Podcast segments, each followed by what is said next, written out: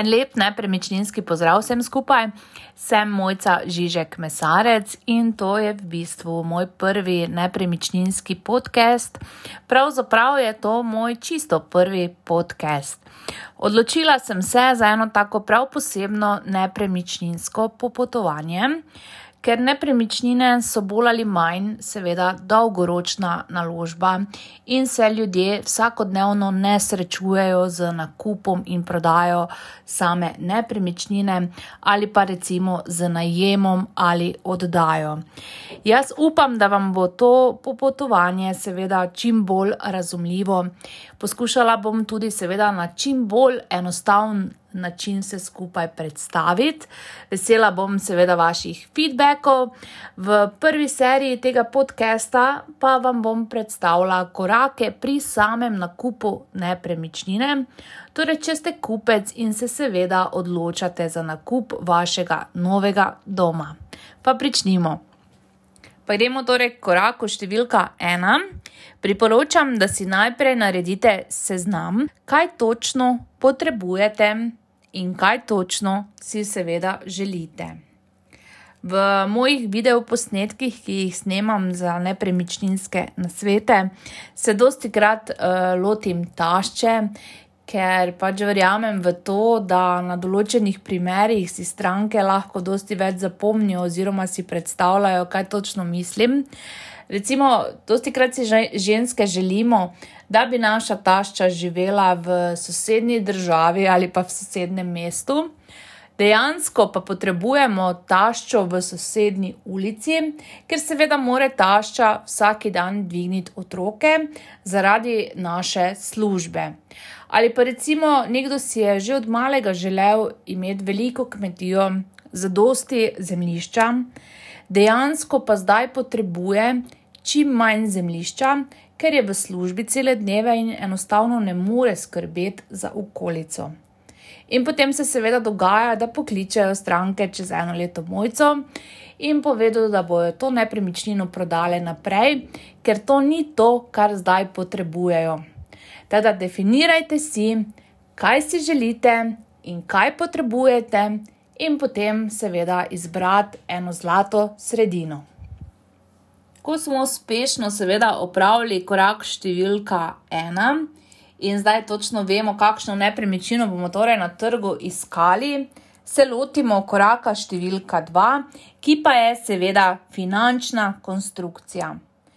Priporočam, da preden se odločite in začnete z ogledi, obiščete svojo banko in seveda preverite, kakšne so vaše finančne sposobnosti, kreditno sposobnost bi lahko rekla temu, eh, in da boste imeli približno v glavi določen znesek oziroma maksimum, do katere cene lahko seveda greste. Eh, v praksi bom spet povedala, se zgodi, da stranke pridejo na ogled določene nepremičnine, preden so sploh obiskale banko in še sploh ne vejo, kakšna je njihova finančna konstrukcija, oziroma če si to nepremičnino sploh lahko privoščijo. Tukaj lahko hitro naletimo na eno past. In sicer, ko se stranka zaljubi v določeno nepremičnino, si potem poišče določene kombinacije, kako pa vseeno kljub temu, da niso finančno sposobne, torej kako vseeno priti do te nepremičnine z razno raznimi posojili, gotovinskimi, hipotekarnimi in seveda tukaj grejo preko svojih zmožnosti. Seveda se lahko tukaj kaj hitro zalomi, recimo, da eden od partnerjev izgubi službo, sploh zdaj smo recimo v takšnem času, ali pa rečemo samo, da je eden od partnerjev nekaj mesecev na bolniški. Hitro se lahko torej zgodi, da se ta kredit več ne more odplačevati, sledi potem kakšna izvržba, oziroma gre nepremičnina na dražbo in se seveda lahko tudi proda pod ceno.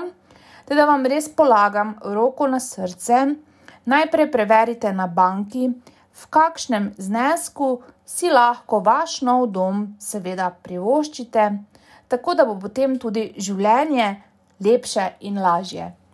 Torej, Ko smo seveda uspešno definirali, kakšno nepremičnino si mi sploh želimo in kakšno nepremičnino smo seveda tudi zmožni plačati, seveda najdemo pravo nepremičnino na trgu. In na kaj je potrebno paziti, ko smo našli pravo nepremičnino? Korak številka tri je seveda pravno stanje same nepremičnine. Tako da, dajte preveriti, preden začnete z uh, kreditom, torej na banki, z postopkom hipotekarnega kredita, če sploh uh, ta nepremičnina lahko se vpiše v zemljiško knjigo, oziroma dejansko, če jo sploh lahko kupite. Najprej je potrebno preveriti zemljiško knjigo, ker je treba preveriti, če je kakršna koli plomba in točno kaj ta plomba je. Preveriti, če je vpisana kakršna koli hipoteka, in seveda tudi naročiti ustrezno izjavo. Če je hipoteka, torej rabijo lastniki izjavo hipotekarnega upnika. Tu gre v bistvu za eno izjavo o nameravanem izbrisu hipoteke, ker bo seveda hipotekarni upnik točno določil, pod kakšnimi pogoji se bo seveda on izbrisal iz zemljiške knjige. Bodite res pozorni, da se ne bi zgodilo, da bi bil recimo dolg hipoteke večji od vrednosti same nepremičnine. Pri služnostih pazite, da nima mogoče kakšen sosed, služnosti, da lahko naprimer hodi po vaši zelenici ali kaj podobnega. Naslednja zadeva je pa, kar ni v zemljiški knjigi in je seveda potrebno biti pozoren. Prevečkrat se kupci zanašajo samo na zemljiško knjigo. Treba je preveriti tudi dostope. Recimo, da je cesta v naravi urejena, v takem primeru stranke niti ne pomislijo, da bi mogle še dejansko preverjati pravni dostop same nepremičnine. Če je recimo vpisana občina na cesti, po kateri pridete do te nepremičnine, je ponavadi to urejeno in je vpisano javno dobro. V primeru, da so pa to kakšne fizične osebe, pa se lahko hitro zgodi, da bo potrebno tudi kakšno služnost urediti, da boste seveda lahko sploh dostopali do same nepremičnine. V zemljiški knjigi ni tudi recimo zakonitih predkupnih pravic. Recimo v večstanovanskih stavbah, kmetijskih zemljiščih, pa imamo še tudi seveda druge zakonite predkupne pravice. Pa da ne pozabim še ene zadeve.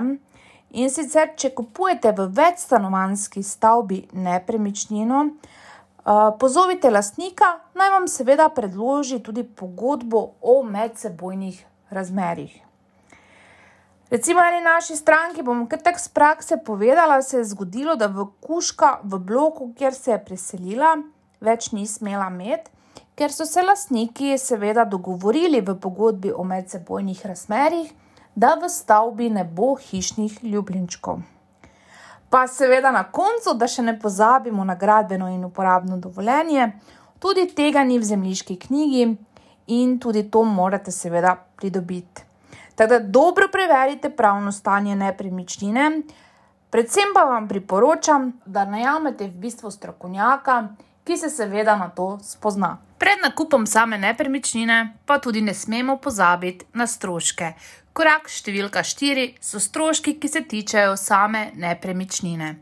Priporočam, da prosite lastnike, da vam priskrbijo položnice za zadnjih 12 mesecev, tako boste dobili okvirno sliko, koliko znašajo stroški po zimi in koliko po leti. Seveda, če kupujete stanovanje v večstanovanski stavbi, pa priporočam, da preverite še stanje samega rezervnega sklada. Zakaj je to pomembno? V primeru, da je potrebna nova fasada, bo potrebno vzeti kredit, torej v primeru, če je rezervni sklad prazen, kar pomeni, da se vam bo strošek mesečni povečal, lahko tudi za 50 ali tudi za 100 evrov mesečno. Teda dobro preverite stroške. In gremo na naslednji korak, to je korak številka 5, parkirišče. Predvsem, če kupujete stanovanje v večstanovanski stavbi, vam priporočam, da preverite zasedenost parkirišč do povdan, popovdan in morda še čez vikend. Tako boste dobili jasno sliko, koliko parkirišč je sploh na voljo pred samim blokom, preverite pa tudi, v kakšni lasti so ta parkirišča. Da se ne bo zgodilo, da so parkirišča pred blokom v lasti tretjih oseb in bo le ta oseba morda čez nekaj časa naredila zapornico, pa bo potrebno za to parkirišče plačevati. Teda ne pozabimo parkirišče. Naslednji korak, ki je tudi dosti krat pozabljen s strani kupcev, je korak številka šest in sicer preverite vaše sosede.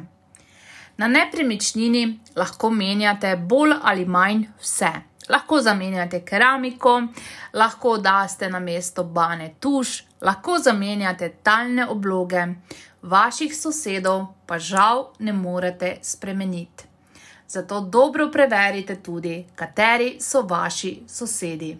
No, pa smo prišli do koraka, ko smo se za nepremičnino že odločili, nam ustrezajo sosedi, smo preverili stroške, eh, preverili smo seveda, če dobimo kredit, torej finančna konstrukcija je seveda v redu.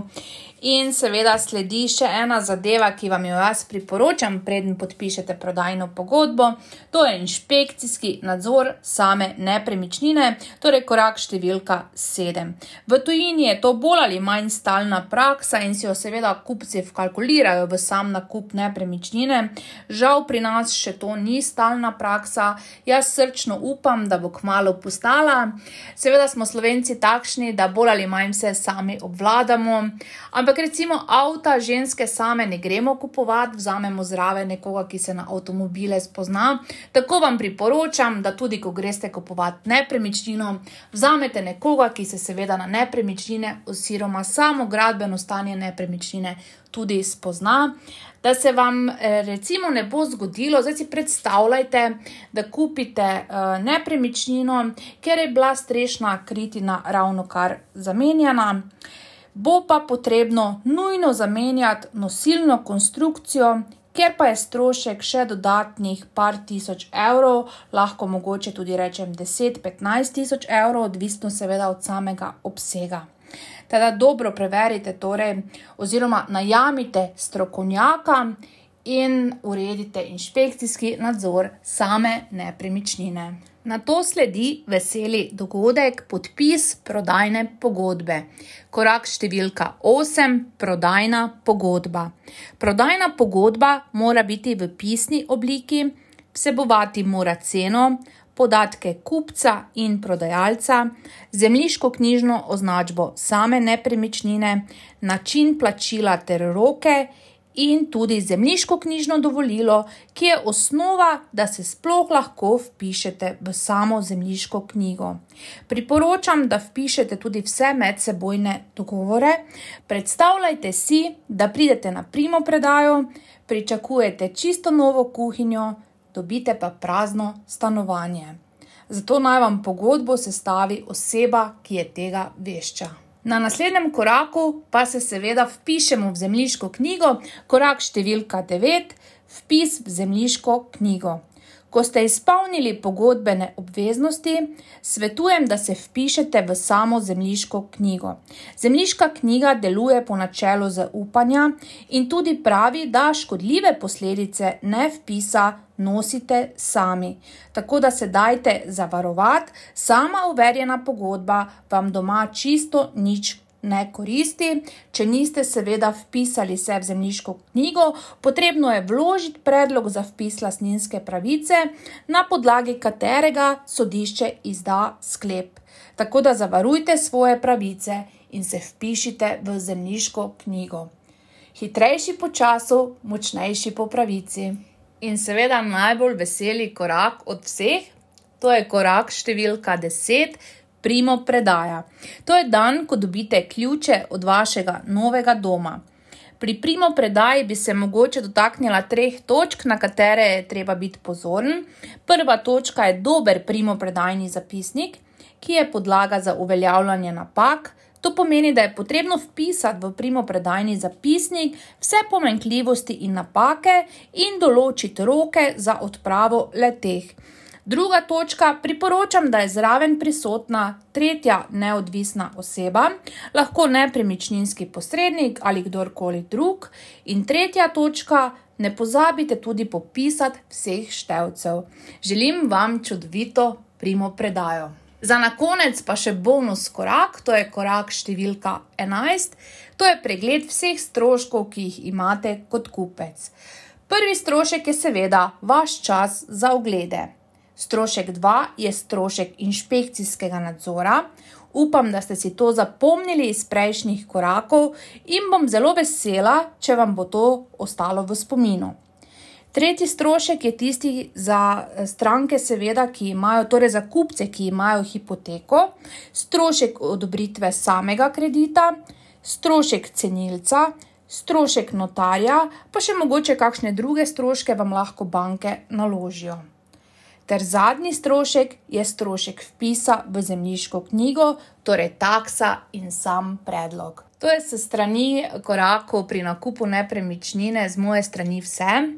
Bom zelo vesela kakšnih vaših mnen, mogoče, če so še kakšna dodatna vprašanja, sem tudi seveda z veseljem na voljo. Upam, da vam je bilo razumljivo in vas lepo pozdravljam do naslednjega podcasta. Ciao!